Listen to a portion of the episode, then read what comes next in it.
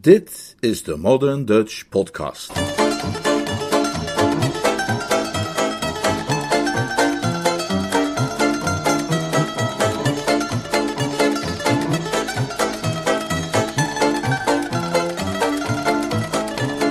Groot gelijk, Jeeves, door P.G. Woodhouse.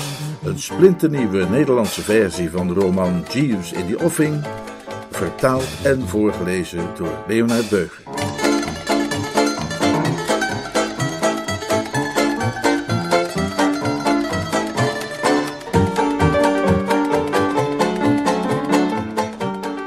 Hoofdstuk 3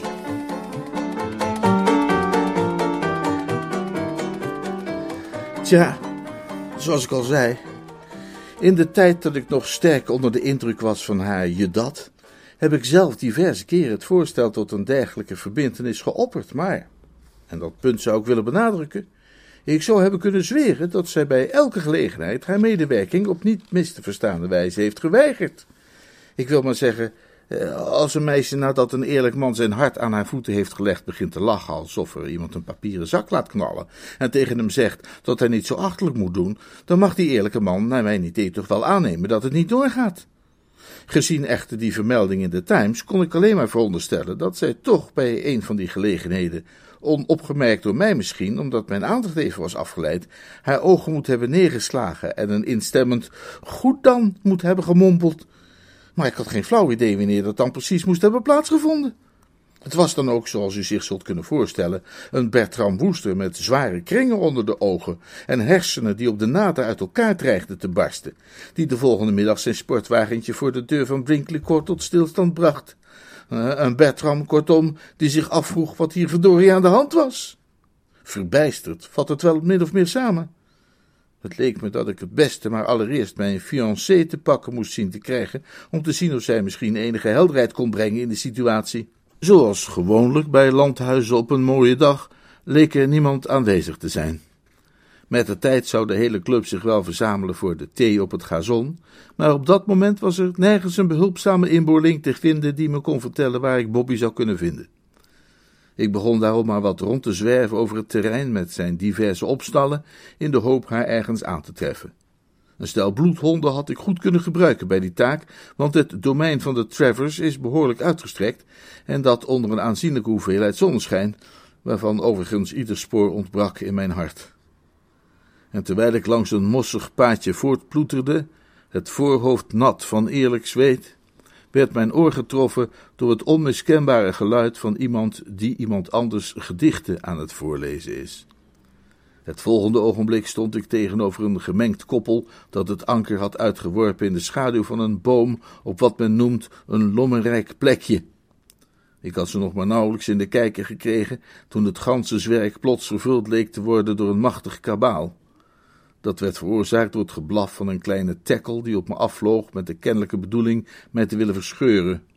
Hij bedacht zich evenwel, en toen hij het doel van zijn spurt bereikt had, vloog hij enkel maar als een raket omhoog en likte aan mijn kin als een soort uitdrukking van het feit dat hij in Bertram Booster precies gevonden had wat de dokter hem had voorgeschreven.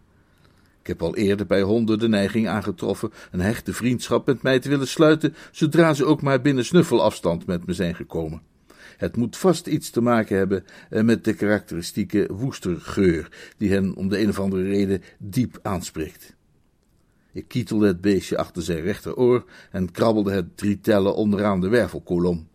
Na het afhandelen van die beleefdheden richtte ik mijn aandacht op het poëziegezelschap. De mannelijke helft van het duo had de recitatie verzorgd een slank type met zo ongeveer het tonnage en het algehele aanzicht van een David Niven met rood haar en een klein snorretje. Daar hij overduidelijk niet Aubrey Upjohn was, nam ik aan dat het hier om Billy Cream ging, en het verbaasde me een beetje dat hij poëzie voordroeg. Men zou verwachten dat een New Yorkse playboy, die alom bekend stond als stoere jongen, zich zou beperken tot proza, en schunnig proza bovendien. Maar ook die playboys hebben kennelijk zo hun sensibele momenten.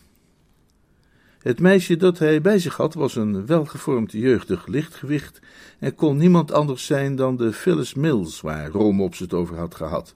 Een leuk kind, maar een beetje kwezelig, had Rolmops gezegd, en een enkele blik toonde me dat hij gelijk had. In de loop van zijn leven leert een mens kwezeligheid bij het andere geslacht feilloos aan te wijzen. En dit exemplaar had een soort zachtmoedige uitdrukking op haar gezicht, à la der zielen ontwaken, die overduidelijk aangaf dat dit misschien niet zo'n superkwezel was als sommige kwezeltypes die ik heb leren kennen, maar toch wel kwezelig genoeg om onder de definitie te vallen. Haar hele verschijning was die van een meisje dat bij het minst of geringste in babytaal zou vervallen. Dat deed ze nu ook met de vraag of ik Popje, de tackle, niet een ulledut en een snoepje vond. Ik antwoordde daar bevestigend op, maar wat stroevig, want ik noemde dingen liever bij hun eigen naam, en zij zei dat ze veronderstelde dat ik Mrs. Travers' neef Bertie Woester was, hetgeen, zoals we weten, in grote lijnen het geval is. Ik had gehoord dat u vandaag werd verwacht. Ik ben Phyllis Mills, zei ze. En ik zei dat ik dat al had vermoed en dat Rolmops me gevraagd had haar in stevig op de schouder te kloppen en zijn groeten over te brengen. En zij zei, oh, Reggie Herring, wat een grote schattenbout is dat toch, hè? Ik bevestigde dat Rolmops inderdaad tot de grotere schattenbouten deze wereld gerekend mocht worden, en zij zei, ja, hij echt een lammetje. Onze dialoog verdreef Wilbert Cream uiteraard enigszins naar de achtergrond, eigenlijk zelfs zo'n beetje alsof hij op het decor was geschilderd, en al enige tijd gaf hij door aan zijn snor te plukken, met zijn voeten te schuifelen en met zijn benen te trekken, nadrukkelijk te kennen dat drie er volgens hem één te veel was, en dat wat het lommerrijke plekje nodig had, om er een echt goed lommerrijk plekje van te maken, de volledige afwezigheid was van woesters. Hij maakte gebruik van een korte adempauze in onze conversatie en zei: Zoekt u iemand? Ik antwoordde dat ik op zoek was naar Bobby Wickham. Nou, dan zou ik maar even goed doorzoeken als ik u was. U vindt haar vast ergens. Bobby, zei Phyllis Mills, die is bij het meer aan het vissen. Wat u dan moet doen, zei Wilbert Cream opklarend, is dit pad volgen, rechtsaf, daarna scherp linksaf, nog een keer rechts aan de bent Kunt het niet missen. Meteen maar op weg gaan, zou ik zeggen. Daar ik bij wijze van spreken toch met dat lommerrijke plekje verbonden ben door banden des bloeds, uh, vond ik het eerlijk gezegd wel wat ver gaan daar praktisch verjaagd te worden door de eerste de beste bezoeker. Maar tante Dalia had mij duidelijk gemaakt dat leden van de familie Cream op geenerlei wijze zouden moeten worden gehinderd of gedwarsboomd, dus ik volgde zijn advies en ging er zonder tegenspraak vandoor. Terwijl ik mij al dus terugtrok, hoorde ik achter mij opnieuw een stroom aan poëzie losbarsten. Het meer bij Brinkley noemt zichzelf dan wel een meer, maar het is als het op aankomt eigenlijk niet meer dan een jeugdig soort vijver. Groot genoeg, dat dan weer wel, om er wat op rond te peddelen. En voor degene met peddelneigingen was er dan ook voorzien in een botenhuis met een kleine pier of aanlegstijger eraan vast. Op die stijger zat Bobby kalmpjes met een hengel in haar hand, maar binnen de kortste keren had ik haar bij de kraag. Hé hey daar, zei ik. Nee daar, antwoordde ze. Oh, hallo Bertie, jij hier? Dat heb je volkomen juist. Als jij mij een ogenblikje zou willen schenken van jouw kostbare tijd, lieve Roberta. Moment, ik, ik geloof dat ik beet heb. Nee, toch niet. Vals alarm. Wat zei je? Ik zei, oh, tussen haakjes, mijn moeder belde me vanmorgen. Ja, mij belde ze gisteren al. Eh, ik had het toch wel gedacht. Heb, heb je het ook zien staan in de Times? Met het blote oog. Dat vond je zeker wel eventjes vreemd. Uh, wel meer dan eventjes. Ik zal je alles over vertellen. Ik kreeg dat idee in een flits. Bedoel je nou dat jij dat communiqué zelf in de krant hebt gezet? Ja, natuurlijk. Maar waarom? vroeg ik, direct als ik ben, zonder omwegen. Ik dacht dat ik haar daarmee volledig in de hoek had, maar nee. Om de weg te effenen voor Reggie. Ik streek met mijn hand langs mijn koortsig gloeiende voorhoofd. soms is het net of er even iets mis is met mijn doorgaans uitstekende gehoor, zei ik. Het leek nu net alsof je zei om de weg te effenen voor Reggie, door moeder wat milder te stemmen tegenover hem. Ik streek nogmaals met mijn hand langs mijn koortsig gloeiend voorhoofd. En nu leek het weer alsof je zei, door moeder wat milder te stemmen tegenover hem. Ja, dat was ook precies wat ik zei. Het is dood eenvoudig.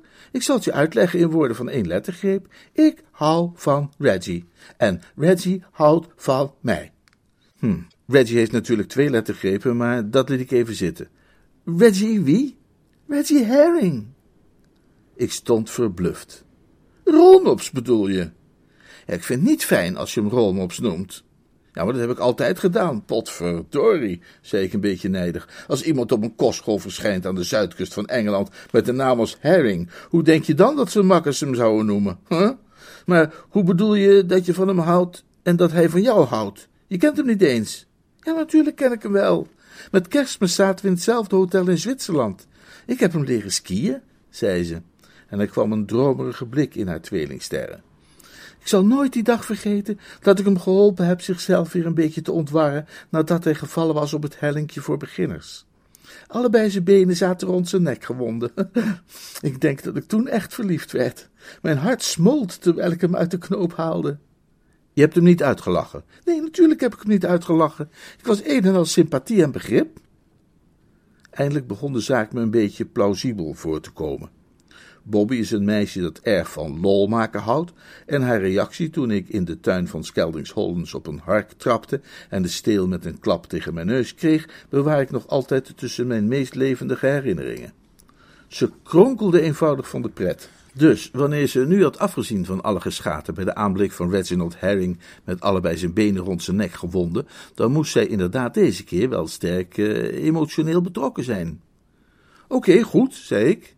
Ik accepteer je bewering dat Rolmops en jij serieus op elkaar verkikkerd zijn, maar als dat zo is, waarom moest er dan zo nodig aan de hele wereld worden uitgebazuind als, uitgebazuind het woord is dat ik zocht, dat jij en ik verloofd zouden zijn?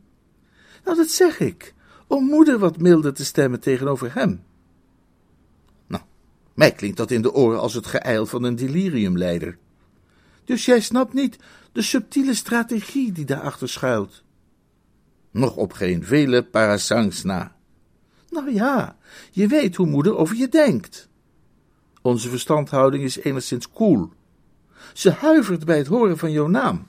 Dus ik dacht dat als zij dacht dat ik met jou zou gaan trouwen, maar dan vervolgens hoorde dat het niet zo was, zij zo dankbaar zou zijn dat ik op het nippertje ontsnapt was, dat ze maar al te graag welke andere man dan ook zou verwelkomen als schoonzoon, zelfs iemand als Reggie, die natuurlijk wel een wonderman is, maar wiens naam niet in het rode, noch in het blauwe boekje staat en die financieel ook niet al te veel voorstelt. Moeders idee van een geschikte echtgenoot voor mij is altijd geweest ofwel een welgestelde miljonair, ofwel een hertog met een stevig eigen vermogen. Snap je het nu? Ja, ja, ja, dat, dat kan ik volgen. Je hebt gedaan wat Jeeves altijd doet. Je hebt een studie gemaakt van haar persoonlijk psychologisch profiel. Maar denk je dat het gaat werken? Kan niet anders. Neem nu bijvoorbeeld een parallelgeval. Stel je voor dat jouw tante Dalia op een dag in de krant zou lezen dat jij de volgende ochtend bij zonsopgang zou worden geëxecuteerd. Dat kan niet. Zo vroeg ben ik nooit op. Maar stel, dan zou ze daar toch behoorlijk door van haar stuk zijn? Heel erg, stel ik me voor, want ze is deerlijk op me gesteld. Ik zal niet ontkennen dat haar gedrag tegenover mij soms wel wat brusk is. In mijn kinderjaren heeft ze me bij gelegenheid wel eens een stevige draai om mijn oor gegeven. En in mijn rijpere jaren heeft ze me meer dan eens gesmeekt mezelf een steen om mijn nek te binden en me te gaan verdrinken in de vijver bij de moestuin. Maar toch weet ik dat ze van haar Bertram houdt. En als ze te horen zou krijgen dat ik bij zonsopgang zou worden doodgeschoten, zou ze inderdaad, zoals je zegt, zo nijdig zijn als een spin. Maar hoezo? Wat heeft dat ermee te maken? Nou, stel je voor dat ze vervolgens ontdekte dat het allemaal een vergissing was en dat jij het niet was, maar iemand anders die voor het vuurpeloton moest verschijnen. Dan zou ze toch opgelucht en blij zijn, of niet? Dan zie ik haar wel door het hele huis ronddansen op de punten van haar tenen. Precies. Ze zou zo blij zijn dat je niets meer fout kon doen in haar ogen. Wat je ook wilde, zou ze goed vinden. Vooruit maar, zou ze zeggen, doe maar.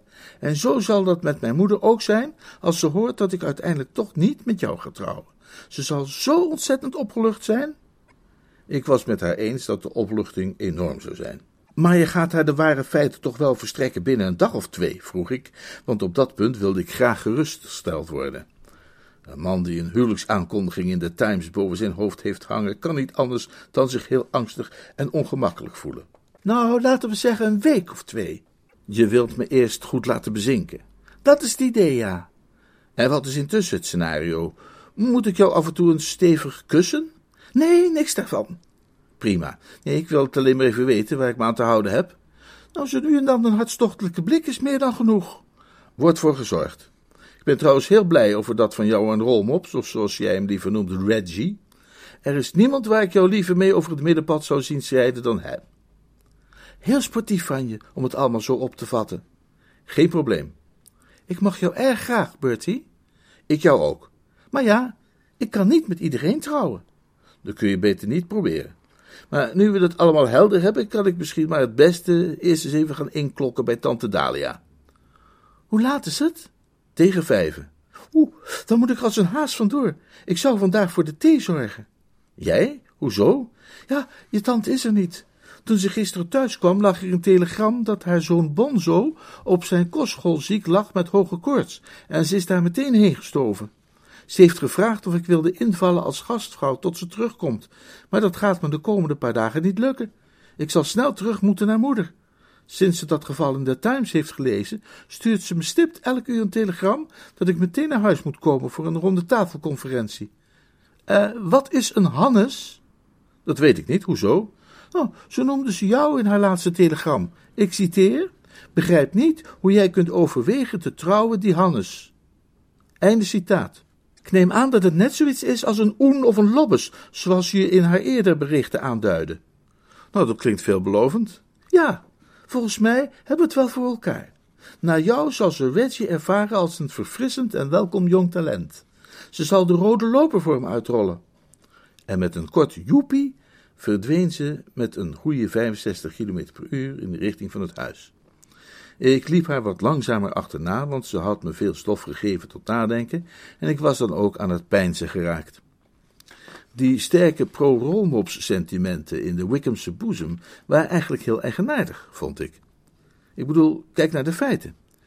Gezien die eerste rangs espièglerie van haar, was zij sinds jaar en dag uiterst populair bij de heren. Maar geen van hen had kennelijk een blijvende indruk weten te maken, zodat algemeen werd aangenomen dat alleen iets heel bijzonders als aanbidder zou weten te voldoen aan haar specificaties. En dat wie bij haar een voet binnen de deur zou krijgen, wel een bijzonder begeerlijk type en een vorst onder zijns gelijken zou moeten zijn. Maar zij had het nu dus aangelegd met Romops Herring. Let wel, ik wil niets ongunstigs zeggen over onze brave rolmops. De man is het zout der aarde. Maar niemand zou hem opvallend fraai hebben willen noemen qua uiterlijk. In zijn jonge jaren had hij zich intensief met de boksport bezig gehouden, waar hij het bloemkooloor aan had overgehouden dat ik tegen Dante Dalia al noemde, en bovendien een neus die door een verborgen hand ooit enigszins uit het lood geslagen was. Bij een schoonheidswedstrijd zou ik eh, kortom maar niet te veel op hem inzetten. Zelfs niet wanneer daarbij de concurrentie bestond uit Boris Karloff, King Kong en Oefie Prosser van de Drones. Een mens moet natuurlijk bedenken dat het uiterlijk ook weer niet alles is. Een bloemkooloor kan heel goed een gouden hart verbergen, zoals bij Romops inderdaad het geval was. En van de volle 21 karaat. Zijn hersens zullen verder ook hebben bijgedragen. Men kan onmogelijk redacteur zijn bij een vooraanstaand Londens weekblad zonder ruimschoots te zijn voorzien van de benodigde grijze cellen, en meisjes bewonderen dat. Bovendien moet men bedenken dat verreweg de meeste knullen die Roberta Wickham in de loop van de jaren de bons had gegeven, van het landelijke jacht- en vistype waren geweest. Van die kerels die nadat ze, uh, wat, hadden gezegd en een keer met hun rijzweepje tegen hun laars hadden geslagen, wel zo wat waren uitgepraat. Ze moest Romops hebben beleefd als een plezierige verandering. Toch bezorgde die hele zaak mij stof tot nadenken, en op weg naar huis verzonk ik dermate in gepeins dat je moeilijk iemand gevonden zou hebben om mee te wedden dat ik nergens tegenop zou botsen. En om een lang verhaal kort te maken, je zou verloren hebben ook, want die botsing vond al snel plaats. Het had tegen een boom kunnen zijn, een struik of een rustieke bank, maar in feite werd het doctorandus Aubrey Upjohn. Ik sloeg een hoek om en daar was hij. Voordat ik kon remmen, had ik hem midscheeps geramd. Ik greep hem om de nek en hij greep mij om mijn middel, en zo wankelden we secondenlang heen en weer in een hechte omhelzing gevangen. Pas toen de nevel voor mijn ogen opklaarde, zag ik wie het was waarmee ik de horlepiep had gedanst. Nu ik hem zag in vollen vlezen, zoals ik het Jeeves wel eens heb horen noemen, werd ik onmiddellijk getroffen door de verandering die zijn gestalte had ondergaan sinds onze ontmoeting in zijn werkkamer op Malvern House, Bramley aan Zee, waar ik met angstig gemoed hem naar zijn bamboestok had zien grijpen, waarna hij de schouderspieren placht los te maken met een paar suizende oefenzwaaien. In die periode van ons gezamenlijk verleden was hij een forse oudere heer geweest van ruim 2,5 meter lang, met gloeiende ogen, met schuimbedekte lippen en vlammen die uit zijn neusgaten sloegen. Inmiddels was hij gekrompen tot een bescheiden 1,70 meter om daaromtrent, en ik zou hem met een enkele klap hebben kunnen neerslaan. Niet dat ik dat deed, uiteraard, maar ik keek naar hem zonder een spoor van mijn oude vrees. Het leek ongelooflijk dat ik deze menselijke garnaal ooit kon hebben beschouwd als een gevaar voor voetgangers en rijverkeer. Ik denk dat dit gedeeltelijk te wijten was aan het feit dat hij op zeker moment tijdens de vijftien jaar sinds de laatste keer dat wij elkaar gezien hadden, een snor had laten staan. Wat in het Malvern House-tijdperk altijd zulke diepe kerven gemaakt had in een nog zo ontvankelijke geest, was zijn brede, blote bovenlip, die een uiterst onaangename aanblik bood, speciaal wanneer die herhaaldelijk kort werd opgetrokken. Ik zou niet willen zeggen dat die snor zijn gezicht nu bepaald een mildere uitdrukking verleende, maar omdat het een exemplaar was van het vochtfilterende of walrustype, verborg hij een groot gedeelte ervan. En dat was pure winst. Het resultaat was in elk geval dat ik in plaats van terug te deinzen, zoals ik verwacht had te zullen doen wanneer ik hem tegenkwam, mij opgeruimd en minzaam bleef gedragen, en misschien zelfs een beetje te. Oh, hallo, Upjohn, zei ik. Daar zijn we weer. U bent, meneer? antwoordde hij, eh, daarmee het rijm als stijlelement zijn plaatsgevend in onze conversatie. De naam is Woester. Zo, Woester, zei hij, alsof hij gehoopt had dat het iets anders zou zijn, en men kan zich zijn gevoelens natuurlijk voorstellen. Ongetwijfeld had hij, net als ik, jarenlang in de gelukkige illusie geleefd dat we elkaar nooit meer zouden hoeven te zien, en dat hij, wat het leven ook aan narigheid voor hem paraat mocht hebben, in ieder geval Bertram uit zijn systeem kon wissen. Het moet een lelijke tegenvaller geweest zijn voor de arme sukkel, dat ik nu toch zomaar opeens voor zijn neus opdook. Lang geleden dat wij elkaar gezien hebben, zei ik. Ja, erkende hij met holle stem, en het was zo duidelijk dat het wat hem betreft nog veel langer had mogen duren, dat het gesprek daardoor niet erg op gang kwam. Van Horatius' festijn der rede en stroom der zielen kwam weinig terecht, terwijl we samen de honderd meter aflegden naar het gazon waar de thee op ons wachtte. Misschien heb ik nog zoiets gezegd als: Lekker weersje, hè? En heeft hij wat teruggegromd, maar meer ook niet. Alleen Bobby vonden wij daar toen we ons melden aan de ruif. Wilbert en Phyllis waren waarschijnlijk nog op het lommerrijke plekje, en Bobby vertelde ons dat Mrs. Scream iedere middag op haar kamer aan een nieuwe bloedstoller werkte en zelden afdaalde voor een kopje thee. Wij gingen zitten en namen juist ons eerste slokje, toen de butler vanuit het huis op ons toe kwam lopen met een volle fruitschaal en naast onze tafel stilhield. Nou ja, als ik zeg butler, dan gebruik ik die term hier nogal losjes. Hij was gekleed als een butler, hij gedroeg zich als een butler, maar in de diepste en meest eigenlijke zin van het woord was hij geen butler. Wanneer we het van links naar rechts precies willen spellen, dan ging het hier om Sir Roderick Blossom.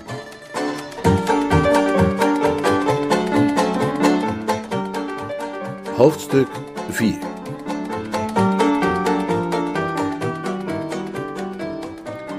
Op de Drones Club en andere plekken die door mij worden gefrequenteerd, kan men regelmatig commentaar vernemen omtrent mijn zelfbeheersing of sang-froid, zoals het ook wel genoemd wordt, en men is het er vrij unaniem over eens dat die aanzienlijk genoemd mag worden. In de ogen van velen, mag ik aannemen, behoor ik tot de zogenaamde mannen van staal, waarover je wel eens leest, en ik wil ook niet ontkennen dat zulks het geval is maar er kan wel degelijk een zwakke plek gevonden worden in mijn wapenrusting, en wel wanneer men mij onverwacht confronteert met vooraanstaande gekke dokters die zijn vermomd als butlers. Er was absoluut geen vergissing mogelijk bij mijn veronderstelling dat het Sir Roderick was, die na het afleveren van het fruit kalmpjes terugkuierde in de richting van het huis. Het was onbestaanbaar dat er twee mannen waren met een dergelijk enorm kaal hoofd en met borstelige wenkbrauwen van deze aard en omvang, en ik zou mijn cliënten misleiden wanneer ik zou beweren dat ik er ongeschokt onder was gebleven. Het effect van deze verschijning was dat ik een heftig geschrokken beweging maakte, en wij weten allemaal wat er gebeurt wanneer men een heftig geschrokken beweging maakt, terwijl men een vol kopje thee in de hand houdt. De inhoud van het mijne vloog in elk geval door de lucht en kwam terecht op de broek van Dr. Anders Aubrey Upjohn, die daardoor niet weinig doorweekt werd. Ik doe de waarheid zelfs nauwelijks geweld aan door te stellen dat hij thans niet zozeer een broek droeg als wel thee. Ik kon zien dat de ongelukkige man zich lelijk gehavend voelde en verbaasde mij erover dat hij zich in zijn eerste reactie tot een bescheiden oei wist te beperken. Ik neem aan dat dit soort gevestigde burgers geleerd heeft om de tong in bedwang te houden. Ik bedoel, het geeft een nare indruk als zij gaan geuzen en sakkeren, zoals de in dit opzicht gunstige gesitueerden zouden doen. Maar woorden zijn niet altijd nodig. In de blik die hij nu op mij wierp, las ik met gemak honderd onuitgesproken verwensingen. Het was het soort van blik dat een ruige bootsman op de wilde vaart zou hebben geworpen op een matroos die om de een of andere reden zijn onbehagen had gewekt. Ik zie dat je nog geen sneek veranderd bent sinds je bij mij op Malvern House verbleef, zei hij op buitengewoon akelige toon, terwijl hij zijn broek depte met zijn zakdoek. Moester de kluns, noemden wij hem altijd, ging hij verder. Hij sprak tegen Bobby, opzichtig hengelend naar haar medeleven. Nog niet de simpelste taak kon hij verrichten, zelfs nog geen kopje vasthouden, zonder overal om zich heen rampen en ellende te veroorzaken. Het was een vast gezegd op Malvern House dat als er een stoel stond in een kamer waar Woester zich ook bevond, hij daar gegarandeerd over zou struikelen. En het kind, zei Aubrey Upjohn, is de vader van de man. Het, spijt me ontzettend, zei ik. Ja, daar is nu te laat voor. Mijn nieuwe broek is volkomen geruineerd. Het is zeer de vraag hoe ik maar iets zo'n teenvlek kan verwijderen uit witte gabardine. Een mens moet er maar het beste van hopen. Of ik er nu goed aan heb gedaan of juist niet, hem bij die woorden op de schouder te kloppen en te zeggen: dat is de juiste instelling, zo mag ik het horen, weet ik eigenlijk nog steeds niet.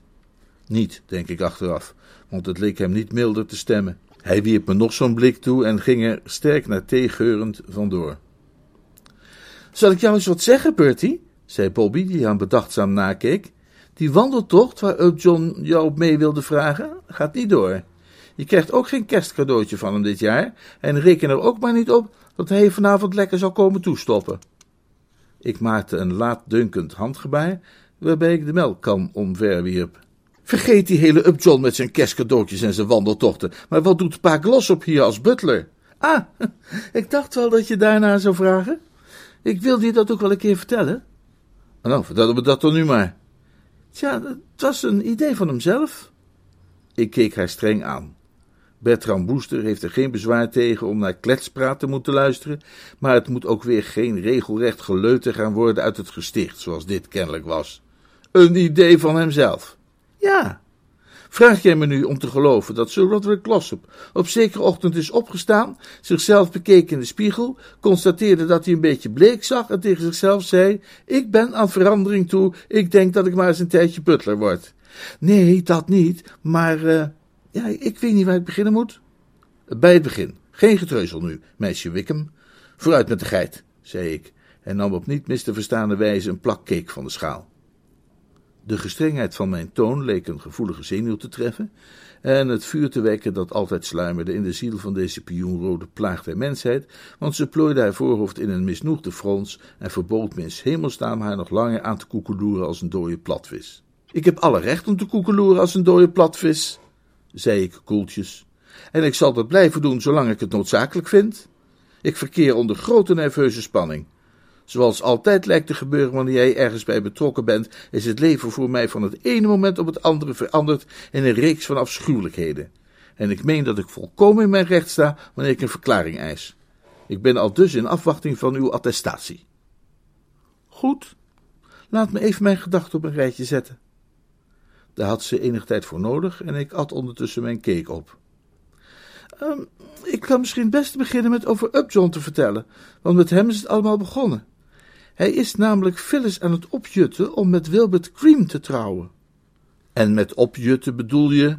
Daarmee bedoel ik opjutten. En als een man zoals hij iemand gaat opjutten, dan gaat er gegarandeerd iets gebeuren. Vooral als die iemand zo'n kalf is als die Phyllis, die altijd doet wat papi zegt. Geen eigen wil, geen greintje, om een voorbeeld te geven, Een paar dagen geleden heeft hij haar meegenomen naar de Schouwburg in Birmingham voor een voorstelling van De Meeuw van Tsjechov, omdat hij dat goed vond voor haar opvoeding. Nou, mij zou niemand zo gek krijgen dat ik meeging om naar De Meeuw van Tsjechov te kijken. Maar Phyllis buigt braaf haar hoofdje en zegt, ja papi. Ze probeert er niet eens tegenin te gaan. Dan kun je toch wel aan zien hoeveel eigen wil ze heeft. Inderdaad, dat verhaal maakte diepe indruk op me. Ik kende die Meeuw van Tsjechov. Ik moest een keer van mijn tante Agatha haar zoontje Tos meenemen naar een voorstelling van dat stuk in die Old Vic. Het was al lastig om het waanzinnige gedoe te volgen van allerlei personages, met namen als Sarjetsnaya en Medvienko. En dan moest ik ook nog voortdurend opletten dat Tos er niet tussenuit kneep. Ik heb ontzettend geleden. Ik had geen verder bewijs nodig van het feit dat Phyllis Mills een meisje was, wie een motto altijd zou luiden: Vader weet het beter.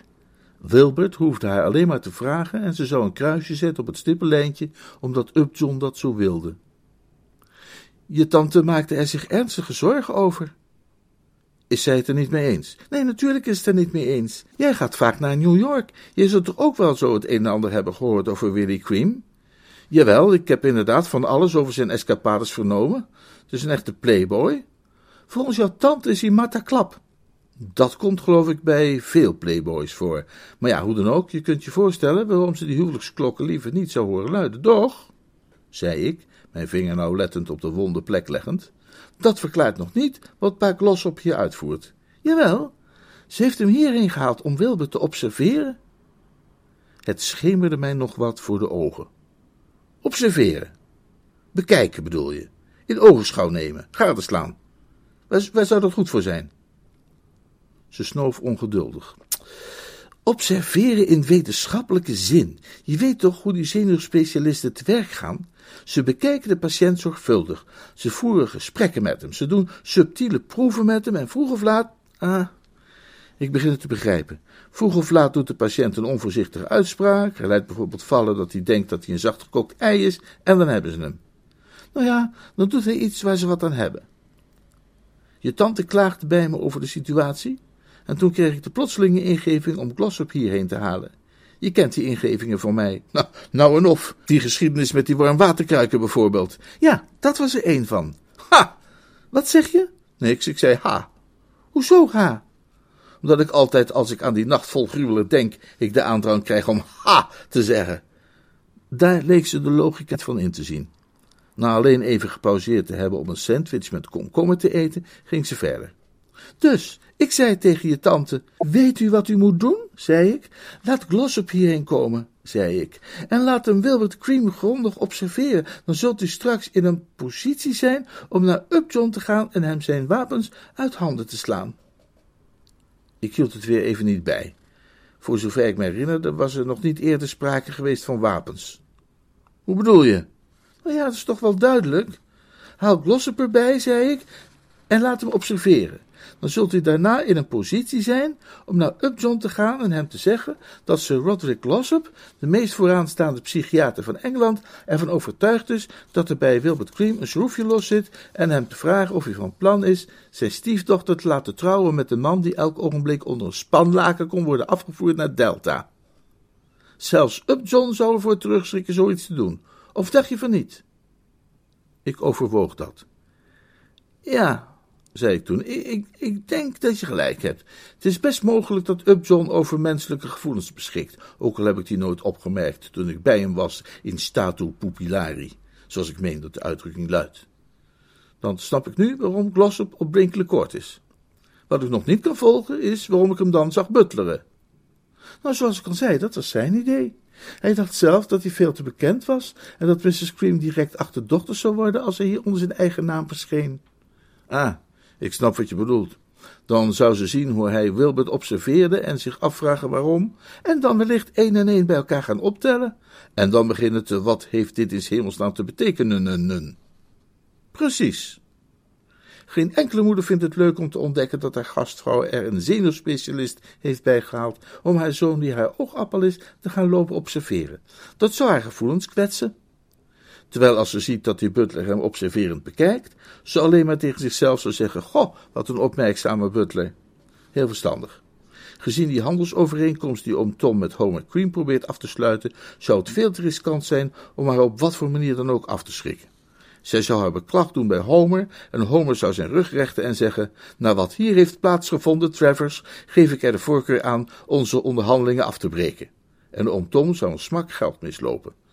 Wat is dat trouwens voor overeenkomst waar ze mee bezig zijn? Heeft tante Dalia je dat verteld? Ja, maar ik heb dat toch niet echt meegekregen.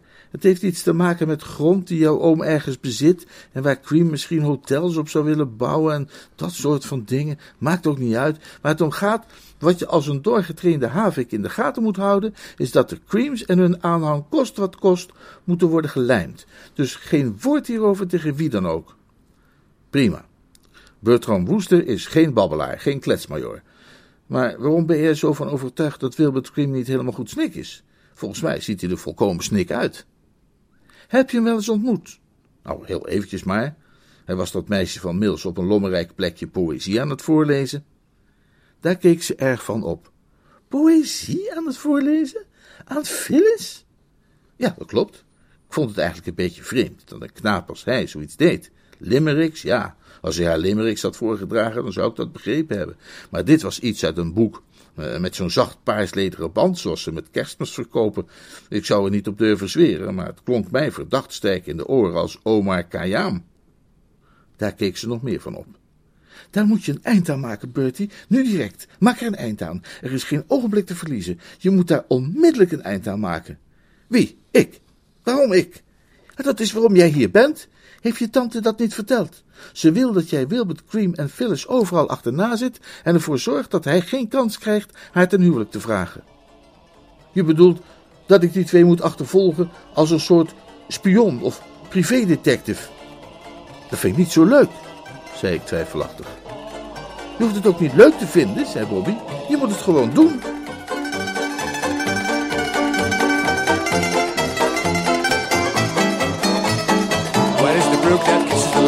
Covered with glory vines?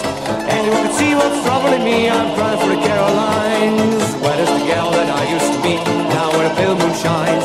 Anyone can see what's troubling me, I'm crying for the Carolines. Volgende week meer.